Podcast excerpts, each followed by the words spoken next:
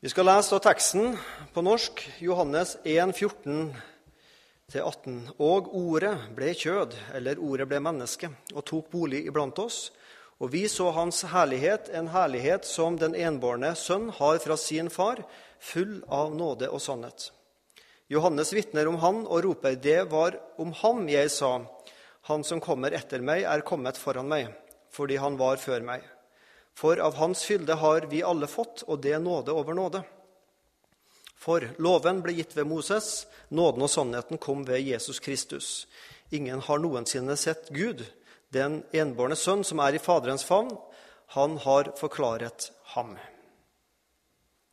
Lukas har jo juleevangeliet, som vi har lest nå i jula.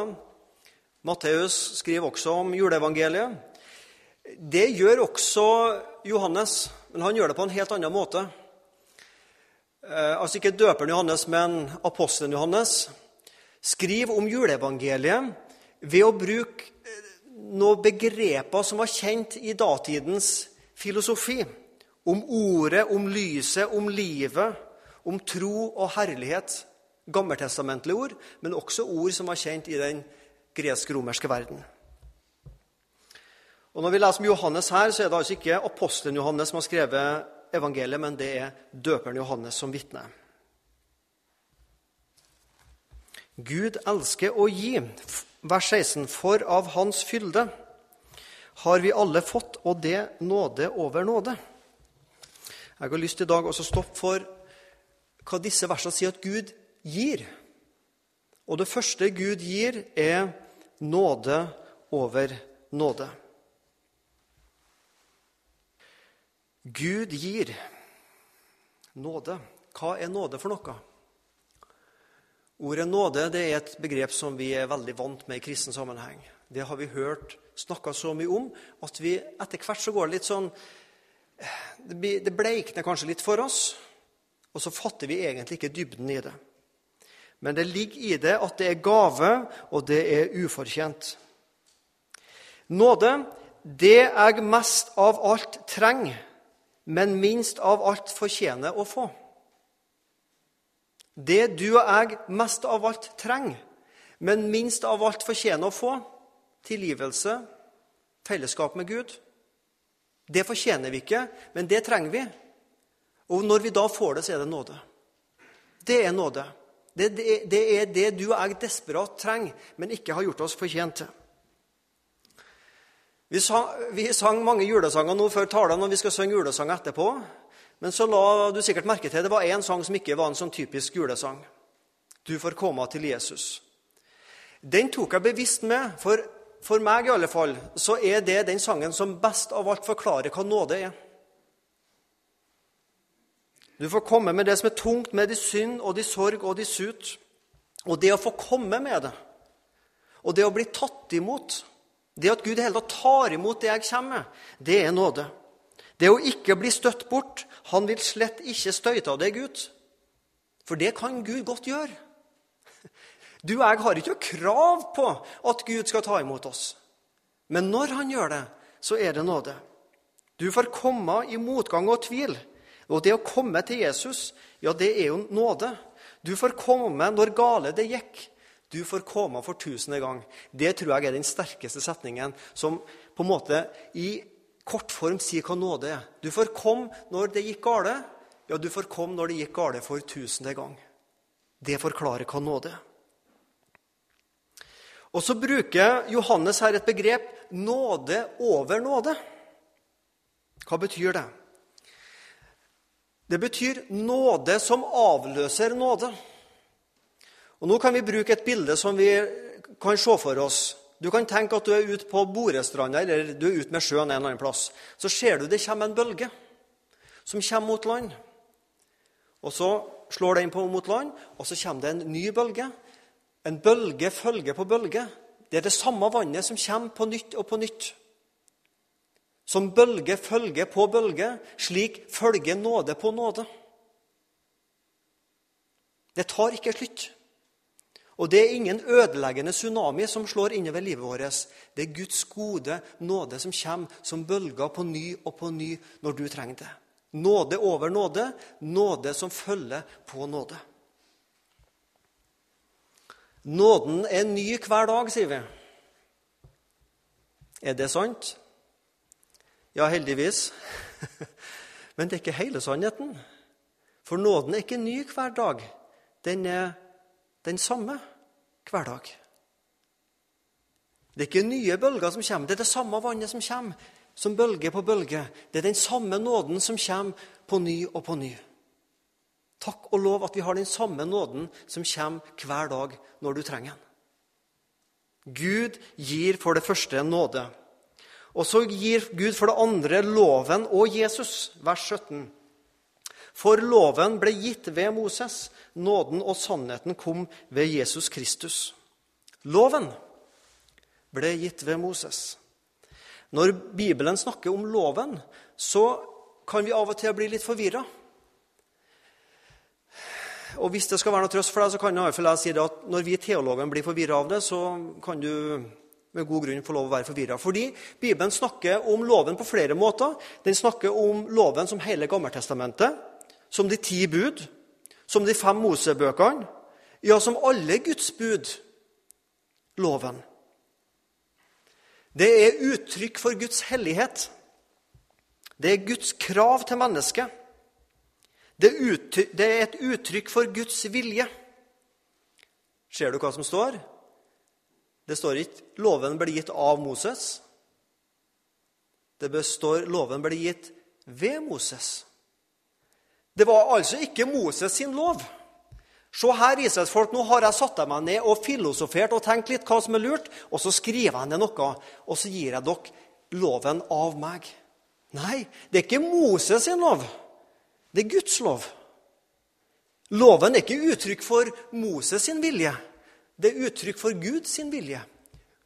Loven ble gitt ved Moses. Han var en mellommann, en formidler av en annen person sin vilje.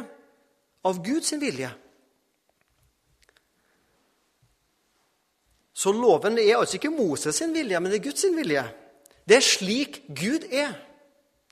Det er slik Gud forventer at hans skapning, mennesket, skal leve. Loven avslører Guds hellighet. Sånn er Gud. Og så avslører loven menneskets syndighet. Og så stiller da apostelen Johannes her Moses og Jesus opp ved sida av hverandre. Loven ble gitt ved Moses, nåden og sannheten ved Jesus Kristus. Nå skal ikke vi tenke sånn at Jesus Kristus er sannheten. Da må Moses og loven være løgna. Det er ikke sånn vi skal tenke, at de stilles opp mot hverandre. Men Johannes stiller dette opp for å vise oss at det er forskjell på Moses og loven og Jesus, nåden og sannheten. Moses han formidla Guds vilje. Jesus er Guds vilje. Moses er bare et menneske. Jesus er sant Gud og sant menneske. Moses som menneske er syndig. Jeg er sikker på han, han løy, og han gjorde mye galt. Det gjorde ikke Jesus. Hellig, sann og ren. Sann Gud, sant menneske. Moses presenterer for oss kravene som avslører min synd. Jesus kom med nåden. Moses fikk se Gud bakfra. Han fikk ikke se hvem Gud i virkeligheten er. Jesus er Gud. Han er et uttrykk av Guds ansikt, hvem Gud i virkeligheten er. Når Moses fikk se Gud bakfra, så kommer Moses kun med delsannheter av hvem Gud er. Han har ikke hele åpenbaringa av hvem Gud er. Jesus, som er Guds ansikt, har vist oss hele sannheten om Gud. Der Moses har del, delbiter av sannheten, så kommer Jesus med hele sannheten. Han kom med sannheten og med nåden. Når Johannes skulle skrive sitt juleevangelium, så visste han helt sikkert at Lukas og de andre hadde skrevet det på sin måte, for de hadde skrevet det noen år tidligere. Og så tenkte, vil jeg anta at Johannes tenkte nå skal jeg skrive det på min måte. Eller slik som Gud vil jeg skal skrive det. Og så vil han på en måte si nå kommer Gud med noe nytt inn i verden. Og Når vi leser Johannes-evangeliet, så vil vi ofte se at i Jesus Kristus så kommer Gud med noe nytt. Et nytt tempel. Ikke det gamle tempelet, men det er et nytt tempel. En ny vin. Jesus gjør vann til vin. En ny vin. En ny fødsel. Du må bli født på ny. Kvinna ved Jakobs brønn henta opp det gamle vannet. Jesus kommer med det nye, levende vannet. Er det noe som kjennetegner Gud der Gud er på ferde, så er det at Gud skaper noe nytt. En ny vin, et nytt tempel, en ny fødsel, nytt og levende vann. En ny himmel og en ny jord. En ny virkelighet for mennesket som lever etter første juledag. Vi har en ny virkelighet prega av nåde og sannhet. Og for det tredje, og det blir det siste Gud gir kunnskap om seg sjøl. Han gir nåde, han gir loven, nåden og sannheten, og han gir kunnskap om seg sjøl ved Jesus Kristus. Ingen har noensinne sett Gud. Den enbårne sønn som er i Faderens favn, han har forklart ham. Altså Jesus, den enbårne sønn, som er i Faderens favn, Jesus har forklart Gud. De gammeltestamentlige profetene, Moses likens, han var jo også en profet, de åpenbart sannheten om Gud, Guds vesen, Guds væremåte, Guds handlinger. Men de fikk aldri se Gud ansikt til ansikt. Ja, tenker du, ja, stemmer nå det. Jesaja i tempelet, fikk ikke han se Gud, da? Jo, men i en visjon. I en visjon. Men aldri ansikt til ansikt. Moses bakfra, Jesaja, Gud som en visjon i tempelet. Det er farlig å se Gud. Den som ser Gud, må dø, sier Bibelen. Ingen har noensinne sett Gud. For den som ser Gud, han må dø. Men Jesus har forklart han hvem han er. Skal vi bruke et bilde? I huset ditt så har du Nå er ikke jeg fys fysiker og de tinga der, men jeg tror det er 220 volt strøm. Watt og ampere og volt og alt det der. Da, da sovna jeg i de timene der. Det var liksom ikke meg. Men jeg har skjønt at jeg vet iallfall at det er strøm i huset. Og jeg vet også at hvis du stikker fingrene dine inni der, så får du et støt men du dør ikke.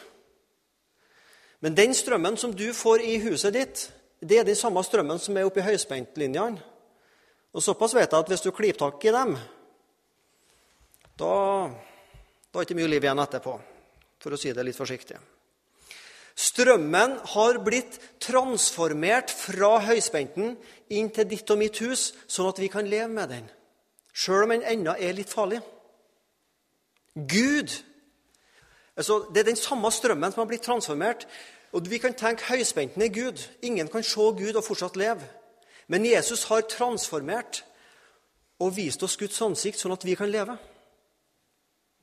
Men ikke, han er ikke ufarlig. Men han gir deg lys. Han gir deg varme. Her begynte det å bli mange bilder. vet du. Nå kunne det bli en lang preike. Men det sto ikke i manus, og det skal jeg ikke ta med. Men for meg har det blitt et fint bilde som forklarer Jesus og Gud. Det er den samme strømmen, det er den samme krafta.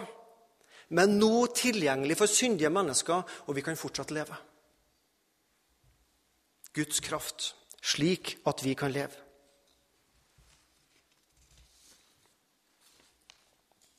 Jesus, Guds enbårne sønn, han er Ordet. Det er jo det Johannes bruker om han. Han er Gud sjøl, han er begynnelsen. Han er sønn. Han er Guds sønn. Han er fra evighet. Han er Kristus Messias. Han er frelserkongen. Han er full av nåde og sannhet. Det kunne vært spennende å høre med hver enkelt. Hva har du spist til jula? Hva har dere til julemiddag? Og Vet, vi tror jo nesten at eh, vi skal dø. vet du. Jo, butikkene er jo stengt i tre dager, så vi handler jo inn på tonnevis av mat vet du, rett før jul. For det er jo stengt i tre dager. Hvordan skal vi overleve? ja. Vi blir det vi fyller oss med, sies det av og til. Det vi spiser, det blir du. Og så blir det av og til for mye av det gode. Ja. Hva fylte Jesus seg med? Eller hva var Jesus fylt med? Full av nåde og sannhet. Det var så fullt på en måte, Du kan se for deg bildet at det renner over. Det er så fylt opp i Jesus av nåde og sannhet at det renner over og blir nok for deg og meg. Vi så hans herlighet.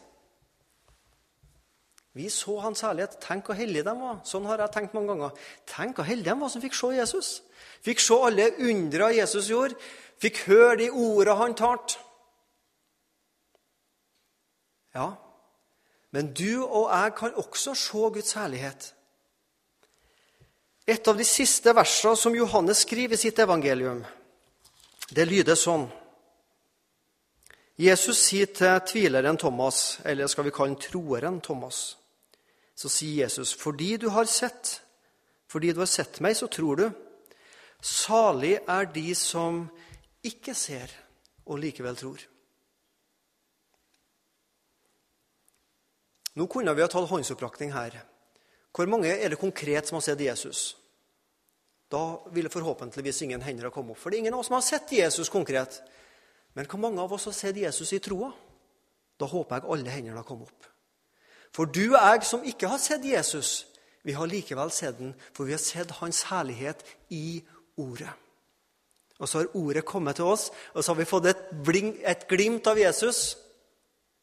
Fra krybben til korset gikk veien for deg. Slik åpnet du veien til himmelen for meg. Har du sett Jesus sånn?